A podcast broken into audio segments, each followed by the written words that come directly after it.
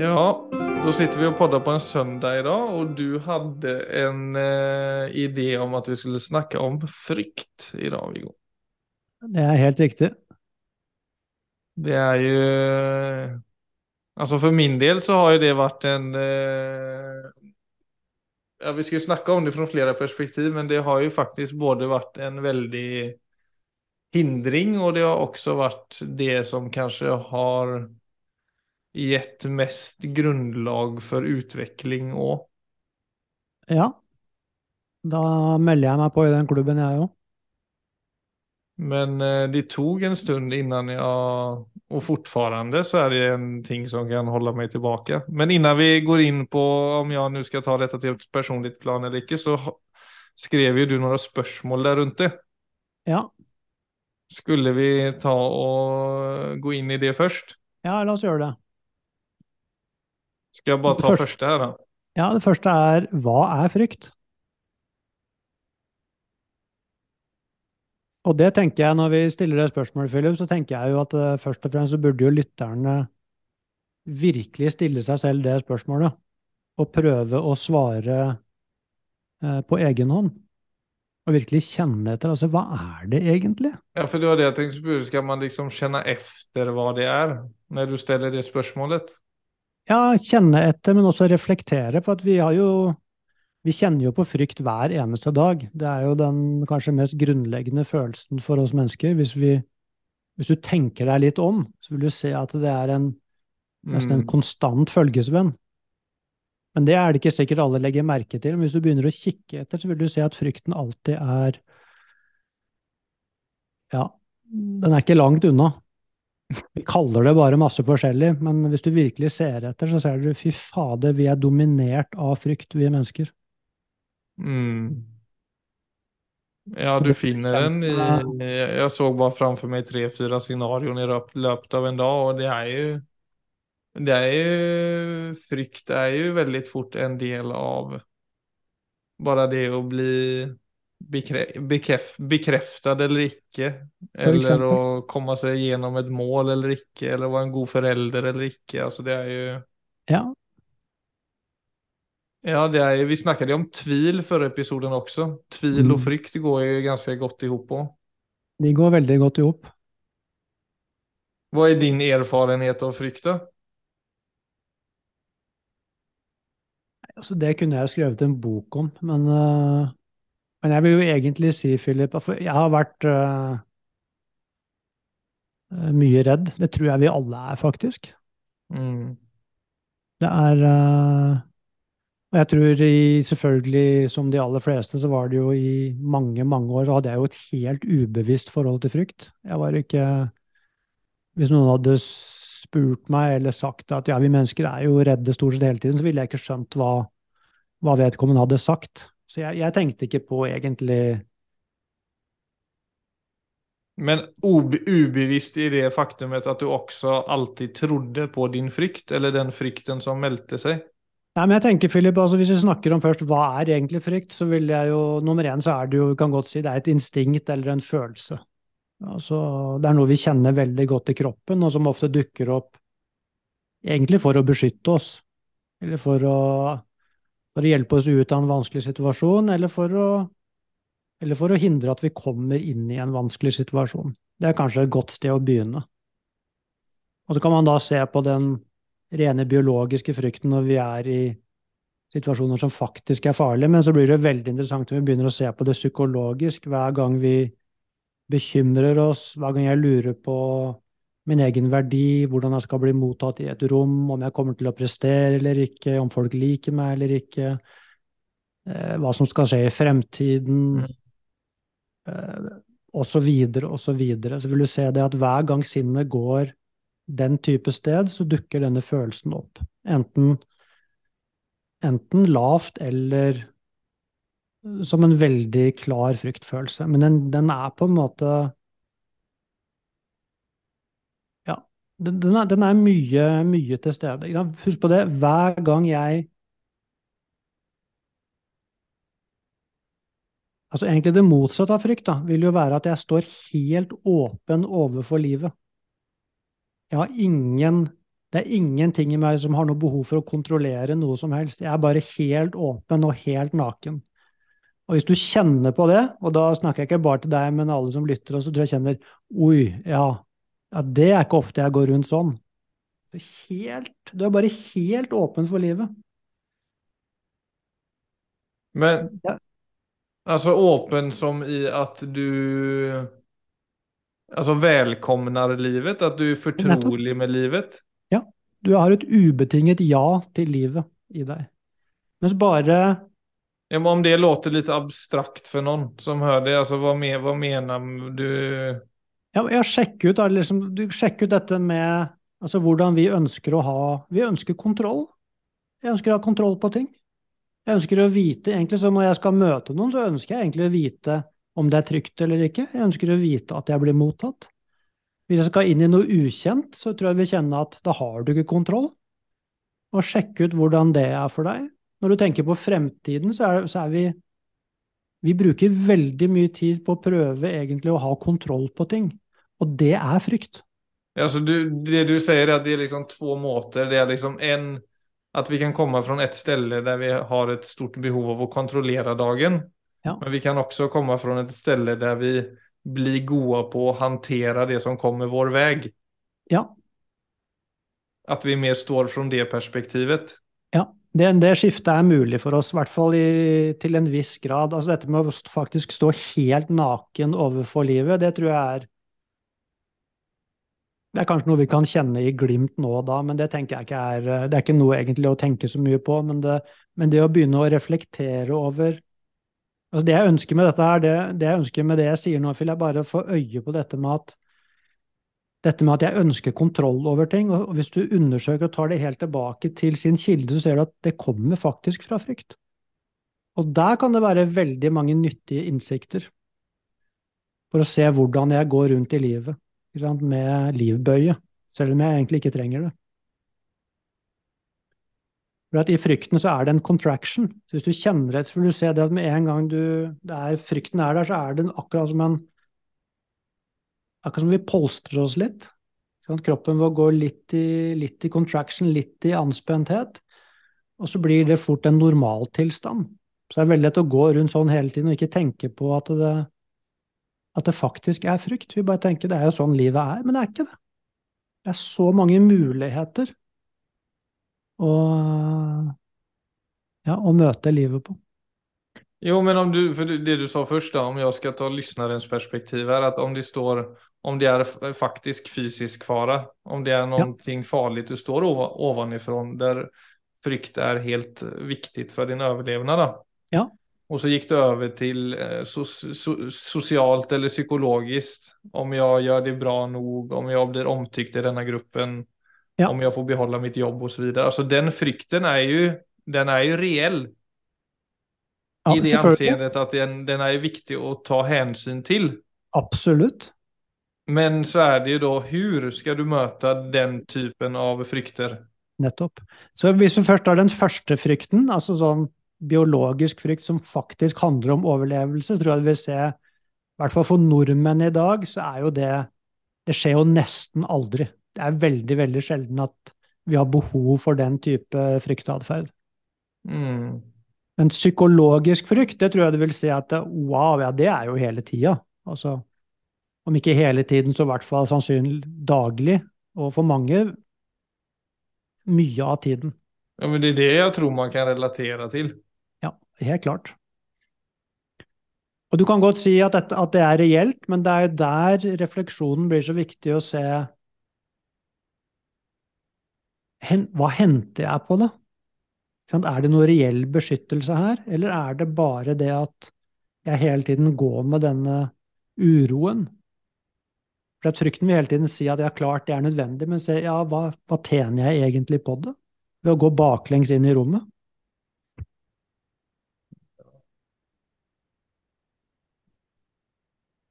Vet, når de forsker på dette, har de også forska på det de, som er jo interessante ting igjen å reflektere over. Det er For eksempel så viser det seg at over 90% av det vi bekymrer oss for, det skjer aldri.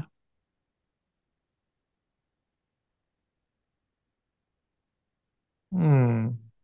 Så hvor mye uro, stress, ubehag, søvnløse netter går vi gjennom for ting som aldri skjer, f.eks.? Det kan jo være noe å kikke på. Ja, altså min erfaring nå etter 30 år som menneske er jo at mine største kriser ofte har vært i mitt egne huvud. Absolutt. Det tror jeg du deler med, med oss alle, Philip. I like måte. Så det Og det er jo noe når, du, når det går opp for deg mer og mer, og du samtidig også hittar spegling i det hos andre, mm. så må man jo kanskje börja ane litt oråd her, at frykten melder seg litt for mye enn nødvendig. Den gjør nok det. Og da kommer jo neste skrittet i refleksjonen, det er å se hva hvis jeg da skal våge meg på et skifte?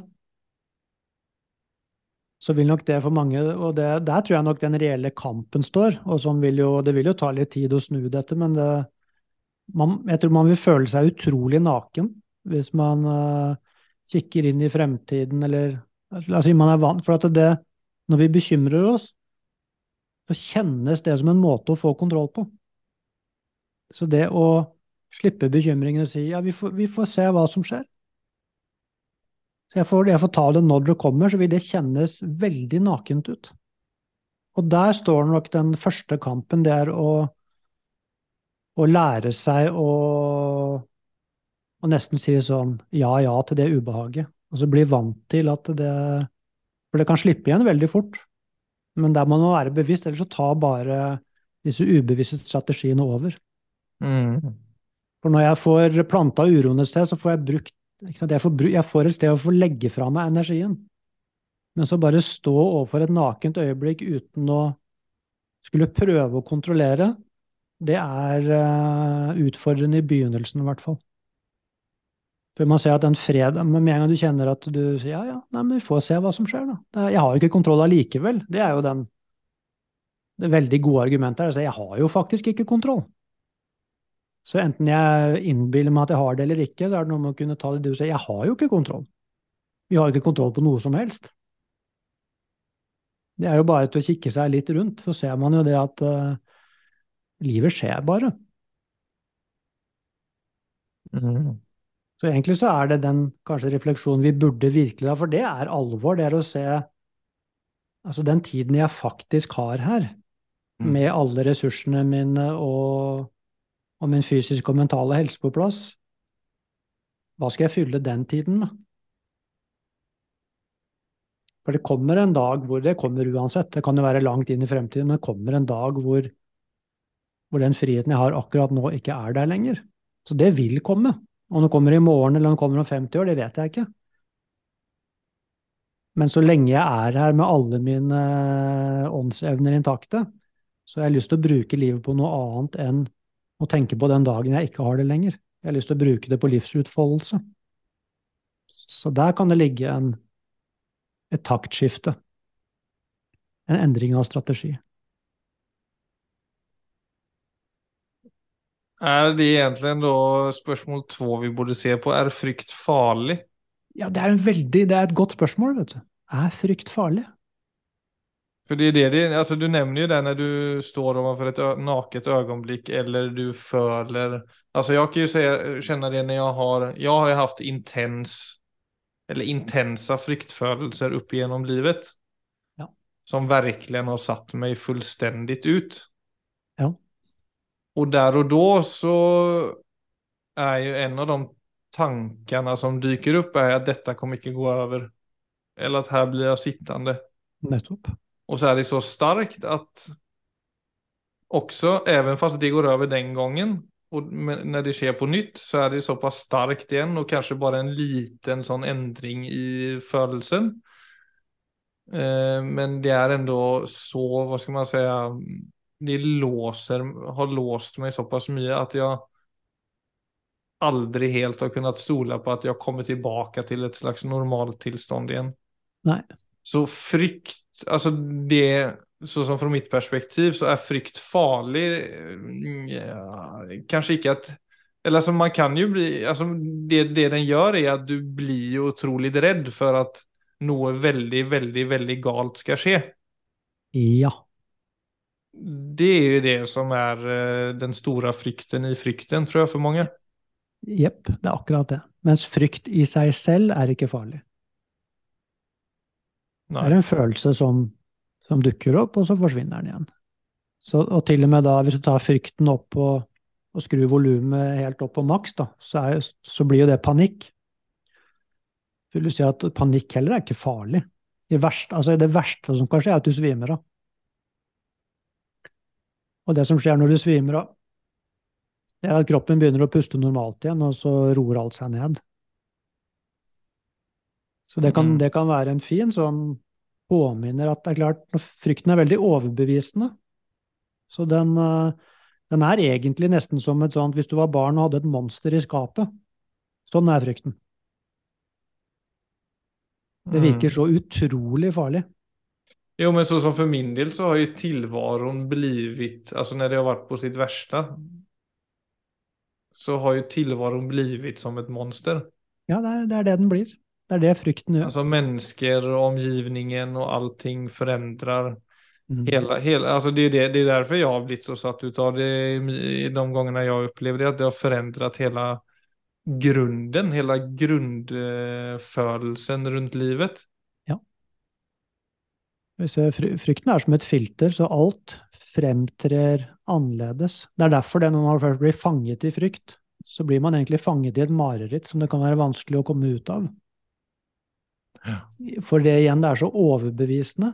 Men det er derfor denne type refleksjoner er viktig for oss. Det er num nummer én det å se dette at altså frykt er et instinkt. Kan også si det er en følelse som er veldig fremtredende hos oss mennesker, for oss alle.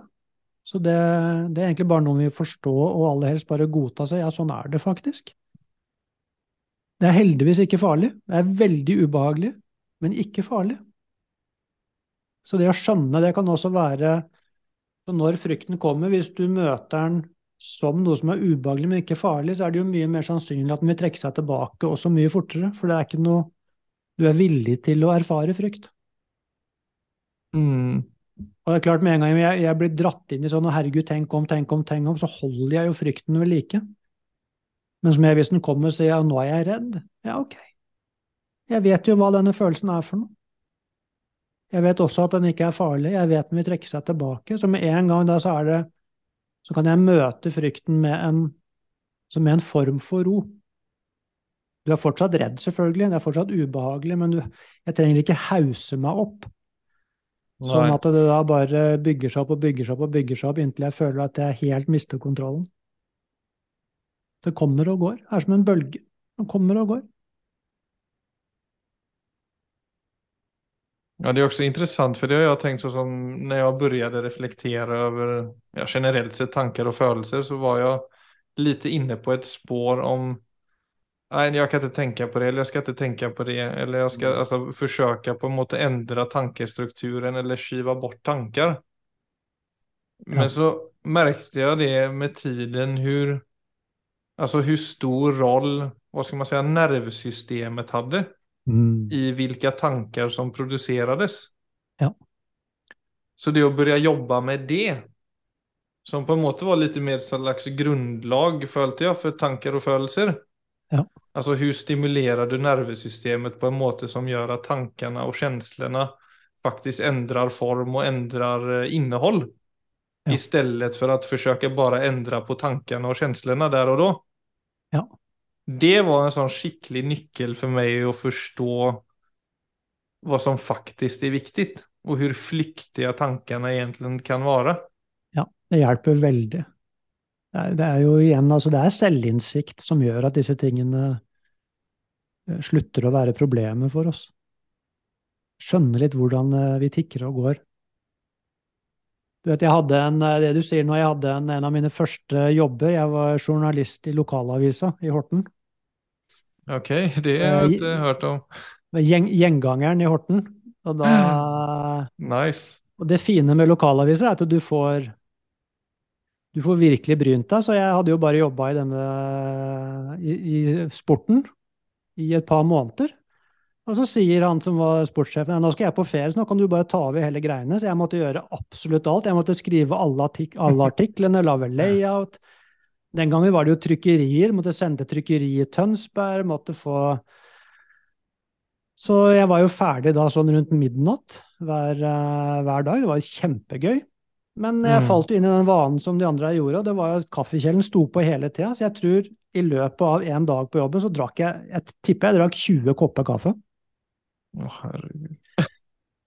Jeg fikk jo ikke, jeg fikk jo ikke, jeg skjønte ikke sammenhengen, vet du. Men jeg var jo helt fri, jeg var jo helt nervevrak. Altså, jeg fikk jo ikke sove. Den sommeren ble helt ødelagt. Ja, du skjønte ingenting? Skjønte ingenting. Og da, apropos dette med å skjønne at ok, nervesystemet ligger under der, og så bare Ja. prøv, prøv å drikke 20 kopper kaffe om dagen, og slutt ta den siste koppen klokka 11 på kvelden, og se hvordan, hvordan det blir. Mhm. Ja. Ja, men det er jo nettopp det. Ja, det er jo et ekstremt tilfelle, men altså det er Altså, vi, vi er jo stort sett overstimulert alle sammen. Og den stimuleringen, den går ikke Den går inn i psyken vår. Og blir da ideer, tanker, følelser og den farta som er i kroppen. Så klart uro og rastløshet og at det vipper inn i bekymring, ligger selvfølgelig veldig, veldig nært. Ja, men er det ikke så at kaffe også Det aktiverer vel eh, Hva skal man si? Fight or flight-modus? Ja, det stresser jo kroppen litt. Ikke sant? Bare fordi det er så stimulerende. Så det er jo det vi kan jo I beste fall så bruker vi den stimulien til å komme i aktivitet, men klart den er så ikke så mye til. Drikker litt for mye, så blir I hvert fall jeg blir skjelven. Og det Ja. tror jeg nok de fleste blir. Så det er eh, Man kan jo gå fra kaffe til alle andre ting og se ja, alt dette påvirker oss. Går inn i ikke Når jeg føler noe, hva er det egentlig? Altså, føler jeg, er det situasjonen jeg føler, eller er det kaffen? Mm. Det, så vi blir jo veldig, vi blir veldig lurt, selvfølgelig, av følelsene våre. Og legger dem alltid ut på situasjonen. Mens eh, ofte så har det jo ingenting med situasjonen å gjøre engang. Bare ting som genereres i oss av mangfoldige årsaker. Ja, da er vi kanskje på er det mulig å leve uten frykt? Ja. Det, Du jeg tror mener, de på at det er noen, du mener på at det er et vanlig beteende? At folk prøver så godt de kan for å leve uten frykt? Jeg tror det kan være greit å sjekke ut altså Hvis du spør mennesker er det mulig å leve uten frykt, så vil jo alle si nei, regner jeg med. Ja. Men jeg opplever at det ligger som et ja, nesten et, et ubevisst instinkt hos oss. Altså, akkurat som vi allikevel så er det det vi søker. Mm. at frykten Så sjekk ut dette med Opplever du at frykten på en måte er feil? Er den en uvedkommen gjest? Så det opplever jeg at veldig mange gjør. Så det å snu det rundt og se Nei, det er ikke, frykt er ikke feil. Frykt er Det som det melder seg i alle mulige situasjoner. Det som, det som er veldig viktig for en, som jo er utrolig givende og som styrker en på sikt, der kommer jo frykten. Ja, og det er en viktig refleksjon, for da kan du plutselig da kan du snu det helt rundt og se Altså bare nummer én først. Se, frykt er like naturlig og like integrert som glede. Så egentlig så burde Er ikke frykt frykt mer integrert enn glede, nesten? Men du vet, det er en, heldigvis er glede er jo også en eh, del av livet. Heldigvis. En viktig del av livet. Men hvis du klarer å likestille de to, og si ja, frykt og glede er to At du har det samme forholdet til de to tilstandene. Og det tror jeg ikke de fleste mennesker har. Tenk, vi vil ha den ene, og vi vil ikke ha den andre. Ja. Og Derfor er det veldig lett for oss å gå i unnvikelse. Og der kommer jo hele kontrollbehovet vårt inn. Vi vil ikke ha det vondt, vi vil ha det bra. ja, og vi skal være så flinke og prestere så bra. Og... Ja. Det er ikke rart at man, er frykt, at man er, har frykt for å mislykkes som Nei. menneske. Nei, det er akkurat det. Så det er noe med å få altså, Så det Ja, frykt er en del av livet. eh, Men det trenger ikke være en hindring. Det er jo det egentlig som er Men jeg har tenkt på det så ensamhet, altså folk er så alene. Ja, det er det jeg liker minst med den liksom västerländska modellen, eller mye, mange modeller rundt omkring i verden. At det handler så mye om å ordne seg på egen hand og komme seg fram i livet på egen hand. Og det ser man jo er brutalt, rett og slett, for mange. Det er tortur, egentlig. Vi er, jeg tror ikke vi er egentlig Vi er egentlig ikke laget for det. Det er bare en idé som er veldig sterk akkurat nå. Den er jo helt kunstig. Det er ingen som får det bra ved den ideen. Jeg får liksom vondt i hele magen når jeg tenker over det. Altså så mange livsøden jeg har støtt på som er som bottnar i den ensomheten, liksom. Ja, det Og den kampen for å du vet, bare få et telefonsamtale av noen eller et SMS, eller det er stille. Det skjer ingenting. Ja.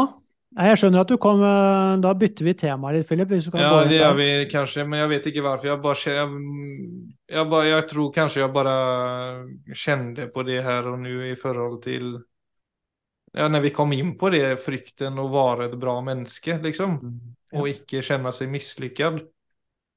Og hvor, hvor eh, forekommende det faktisk er, da. Ja. Livet blir veldig vanskelig når uh, Hvis vi skal ta med oss de føringene inn. Ikke sant? Så du kan tenke deg sånn Det blir, det blir jo det samme med frykten. Altså, noe med det øyeblikket jeg ser at jeg behandler frykt på samme måte som jeg behandler alt annet. Altså, det er bare sånn Det er ikke noe spesielt med det. Jeg blir bare redd innimellom. Det er en fair sak. Mm. Det er, ikke, det er ikke noe feil med det. Det er litt ubehagelig. Men det trenger ikke hindre meg i å gjøre det som er viktig for meg. Og det, og det er det dessverre som skjer når ikke vi vil ha frykt. Når vi begynner å unnvike altså situasjoner og, og kanskje personer og så videre, og tanker og alt sammen, hvor vi er redd for at frykten skal dukke opp, så blir det unnvikelsen som fengsler oss. Så på en måte hvis du skal lete etter frykten i livet ditt, altså i atferden din, så må du se det du unnviker. Og alt det vi unnviker, så er det alltid frykten som er der. Alltid den følelsen som er med unnvikelsen. Mm. Og i unnvikelsen så er det ofte der vi mister kontakten med potensialet vårt. Og med selvrespekten vår. Og da mener jeg ikke å bli Da mener jeg egentlig bare den Det jeg selv kjenner er en god måte å være meg på. Mm. Så det å, det å kunne velge fritt, og det å se muligheten til at ja, men jeg kan velge fritt selv om jeg er redd Så få skilt de tingene fra hverandre, altså frykten er én ting, men valget mitt er noe annet. Jeg kan velge det som er viktig for meg, selv om jeg er redd. Selv om jeg er dritredd, så kan jeg fortsatt gjøre det. Det, det vil jeg påstå er en utrolig oppdagelse.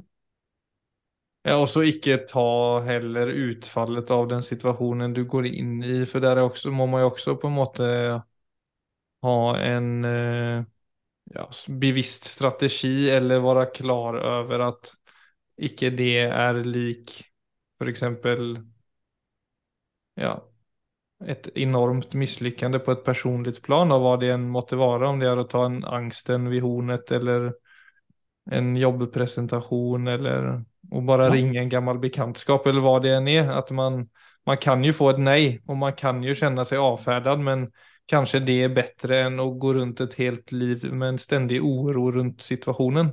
Jeg tror du er inne på noe der, gitt. For det er jo det som er alternativet. Ja, det er akkurat det. Og Og det er nesten det bedre med en brutal avklaring, holder jeg på å si. Mye bedre. Ja, mye bedre å bli vant til det. Igjen så er det sånn Ja, det gjør vondt, sånne ting gjør vondt, men det er, liksom, det er også en del av livsreisen. Så, er med, så den som ikke lar seg stoppe av det, vil jo alltid finne en åpen dør. Nei, og der tror jeg det ligger mye mer vekstpotensial. For da, blir livet i alle fall tydelig og konkret. Ja. Mens frykt og tvil og uro er veldig vanskelig å orientere seg hvis man forblir der for lenge. Ja, hvis man på en eller annen måte prøver å bli kvitt det, eller få kontroll på det, så er man egentlig fanget. Mens det motsatte er å naturliggjøre det og også være altså rett og slett bare gå rundt at det er en villighet til at jeg får erfare det som dukker opp i øyeblikket, men jeg kan, jeg kan fortsatt navigere etter kompasset mitt. Mm. Altså det kompasset jeg har inni meg. Og, og så vil det være innimellom skummelt. Og, og på en måte så er det sånn alle frykter jeg går igjennom, det er jo der også jeg vinner meg selv. Så det er jo den kanskje siste tingen som kan være viktig å reflektere over, det er å se Hvis du går tilbake til episoder i livet hvor det har vært viktige ting som Mm. du som du måtte gjøre, eller som du kjente inni deg at du måtte gjøre, og så var du kjemperedd, og så gjorde du det allikevel. Og hvordan vi- du hadde det i etterkant av det. Mm. Altså hvordan jeg opplever det når jeg går igjennom min, min egen frykt og finner min egen mot, så er det jo ofte der den mest intense gleden er. Altså jeg kjenner at jeg er fri, jeg er stolt over meg selv, jeg kjenner min egen kraft, jeg kjenner mitt eget mot. Og, og ingen av de ville jeg faktisk kjent på hvis ikke frykten var der. Og da har vi snudd det helt rundt og ser hvor, egentlig hvor Mm. viktig frykt er for oss mennesker, nettopp for å kjenne på dette med å overvinne oss selv. Så, så da kan man på en måte si plutselig seriøst, frykten er jo egentlig en skjult venn som, som setter livet på spissen for meg. Og viser meg, egentlig den viser meg hindringen min, den viser meg også hva som er viktig for meg. Og så er det da spørsmålet, men skal den ta valget mitt?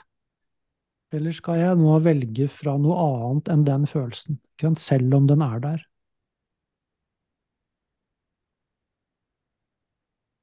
Så det Jeg opplever Jeg har jo snakket med veldig mange mennesker om disse tingene, Philip, og det, det jeg opplever, og det var en utrolig aha-opplevelse for meg selv. Det var når jeg jeg oppdaget denne, det er en, form, det er en overbevisning nesten, som, som veldig mange har, og, som ofte er sånn at eh, ja, jeg skal gjøre det, altså det som er viktig. Jeg må bare bli kvitt denne frykten først. Det er akkurat som jeg tenker, først må jeg bli kvitt frykten min, så skal jeg gjøre det. Ja, den har man haft noen ganger. Ja. Men det å gjøre det når jeg er redd, Det skal bare være er bedre er omständigheter så kan jeg prøve meg på dette. Ja. Mens det å se at jeg kan gjøre det nå, selv om jeg er skitredd, selv om jeg er redd for at stemmen min skal briste, selv om jeg er redd for at jeg blir skjelven i knærne, selv om hva som helst, jeg kan gjøre det allikevel. Det er uh... Jeg hadde jo et viktigt foredrag som vi snakket om forrige uh, Ja. episoden. Det Hvordan gikk det? jo, visade seg jævlig bra. Ja, det er rart med det. Det var, jag kände inte nödvändigtvis på det själv. Jag var ganska sånn tom efter å ha förberett mig lång, lång, lång, lång tid. Men det- två dagar efteråt så da kjente jeg på en ganske god glede, må jeg si. Ja. Og jeg var jo ju ganske livredd livrädd å gjøre göra det. Ja. Ja. Så det var, ja, nei, det var, det var en god erfarenhet. Men jag satt och tänkte, det var väldigt märkligt, vet, för jag är ju en, jag lever ju i den moderna världen ganska gott i för, i, när det kommer till, ja, nu har jag också tre små barn, men att det är liksom mycket telefonbruk till en viss grad, liksom det är högt tempo på många fronter och sådär. Så det är inte så ofta jag känner på min balanspunkt helt. Alltså Mm. när jag hamnar i mitt egna sällskap så märker jag att jag fort dras av, mm, alltså det dyker upp en impuls om att börja tänka på något jobbrelaterat som jag kan bli med på eller titta på telefonen eller klör till på ryggen. Alltså ett eller annat fysiskt eller psykiskt som träcker mig bort från ögonblicket liksom. Men den, alltså, vi hade ju det föredraget i fredags och så på lördagen kände jag mig ganska utladdad men på söndagen så var det marknad uppe på Damplas på Ullevål. Mm. Och då var jag med Gitte där, Gitte och hennes mor står och säljer. Och några gånger när jag har stått där så har jag känt lite sån, ja här står jag lite sån alene vid sidan och passar på barn. Alltså har känt, en sån, kunnat få en sånn känsla av at jeg ikke känner meg så kul eller det ser ikke så, ja bla bla bla. Sånne tullete tanker. Men så satt jeg vid den, det er en liten sånn damm der. Vid, som det er derfor heter damplass, I guess. Men på tal om å det komme i kontakt med seg selv på en god måte, for da fikk jeg sånn sån, det kanskje varte i ti minuter. Och det var länge sedan jag kände på den känslan. Och jag vet inte om det är ovanligt för moderna människor idag att känna det, alltså inklusive mig. Men att jag verkligen bottnade i en sån känsla att nu är ögonblicket komplett, trots Mm. att det inte sker någonting. Mm. Och de där tankarna om vad andra måtte mena om mig, eller att jag måtte vidare för att köpa en kaffe eller en bulle för att fylla ögonblicket. Ja. Alltså du vet allting vi gör i löpet av en dag. Men de, jag vill tro att det var, det var nog minst tio minuter för jag blev lite sånn förvånad över hur grounded jag blev där jag satt. Och det var bara sånn, och så kunde så såg jag bort på Gitte och Gittes eh, mamma och så det var god stämning. De gav varandra ett smil och så tänkte jag där, tänkte jag så, där är mina jenter i Oslo. Nettopp. Och Ja. du vet, jag bara, det var bara tankarna samtidigt som jag hade en väldigt som vilande ro. Alltså det var som om uppmärksamheten var liksom som fördelad både i mig, men också att jag tog in omvärlden på en god måte. Istället för att all uppmärksamhet var utanför mig själv, om du fattar vad jag menar. Ja, jeg skjønner veldig godt. Så, och då bara märkte jag bara, herregud, det här är ju en uh, kälden känsla. La jag Mm. plötsligt märke till att det här upplever jag inte så ofta. Nej. Och det är ikke inte möjligt att uppleva det heller när man är alltid på med ett annat. Nej. Och tillåter sig själv också det att bli, alltså man, alla har ju impulser av att vi är så pass på. Och så tillåter man sig själv att bli distraherad. Det är också en sån problematik vid det. Ja. Att du blir med obevisst på de distraktionerna. Men det var bara det att få lov till att sitta där. Och det kom jo ett litet smil på min, alltså sånn klisjeen om mindfulness, du vet at de Mm. blomstrer til ett eh, leende på din egen munn bare av ingenting. Ja. Men det er jo, uansett klisjé eller ikke, men altså det er jo det altså i mindfulness-litteraturen eller som praksis, det er jo det de prøver å peke på, den fylden som ligger i et øyeblikk. Hvis du bare kan være i det øyeblikket som er, og ikke søker deg mot et annet øyeblikk som skal være bedre enn dette. Men det er klart, i det øyeblikket ikke sant, man hører det, ok, dette skal jeg få til, så er man allerede så klart, man må faktisk falle ordentlig inn i seg selv. Men det er det det som viser seg. Det er at øyeblikket faktisk er fullt. Ja, men det er, og da er det det som så som du så... sier. Ja, och- men når du er overstimulert, så vil jo oppmerksomheten hele tiden hekte seg på et eller annet, så du får jo aldri den möjligheten. Nei, det er sant, det. det er, man går glipp av livet, faktisk, når man eh, gir sin over, overivrighet til å ha det bra. Ja, for bare tenk det tragiske som jeg liksom, den utgangspunkten jeg har haft en några andre ganger, som jeg hadde litt når jeg kom dit, liksom hva, hva andre tenker om at jeg står her alene på en marknad. Og så blir man ikke bare påverkad, men den äter liksom opp stunden. Ja, absolutt. Er, Och, och så jämför jag det med den känslan jag hade när jag satt där. ja, Och den där, den där idén om vad andra liksom tänker om att det var ju, för då var det nästan i sätt att jag vände på det helt. Det är helt fantastiskt att jag sitter här i en damm och ser på barnen och hjälper min fru och passar på folk och alltså. Ja, så kanske som inledningsvis det du sa då, så som både alltså frykt också på många måter bidrar med. Att den tar ju bort egentligen så många nyanser av allt annat. den, den tar faktisk bort fylden i øyeblikket. Så den eh, Vi får ikke øye på den da. Så det er eh, Men det som er mer overraskende, det er jo nettopp det at den fylden, den vil altså vise seg mer og mer når vi sier ja til frykten.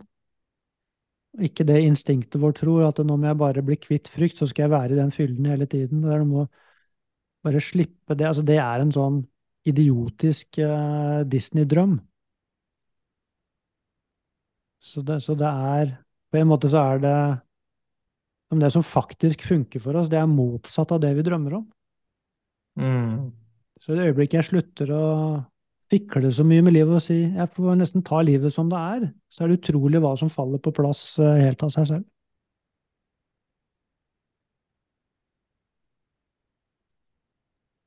Ja, Ja, så kan det være. sånn kan det være, Philip.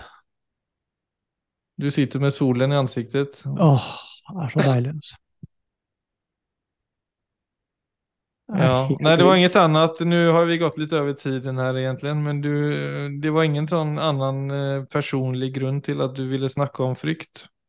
Nei, det var egentlig bare det at jeg kommer fra en uke Altså en uke på retreat, hvor vi hadde et par dager hvor vi snakket mye om frykt og hadde mye refleksjoner rundt frykt. Og det var så utrolig nyttig Mm. For uh, deltakerne på kurset. Så jeg tenkte ok, det jo, kan være en nyttig ting å ta opp i poden nå, for det er for at frykt er det er det vi stort sett sliter med. Ja, det er sant det. Og så bygger det opp seg så jækligt. Ja. Spesielt når man sitter med det alene som mange gjør. Ja, og ikke skjønner verken frem eller tilbake på det. Så det er, eh, så er det noen sånne knagger som det går an å Mm. begynne å eksperimentere litt med.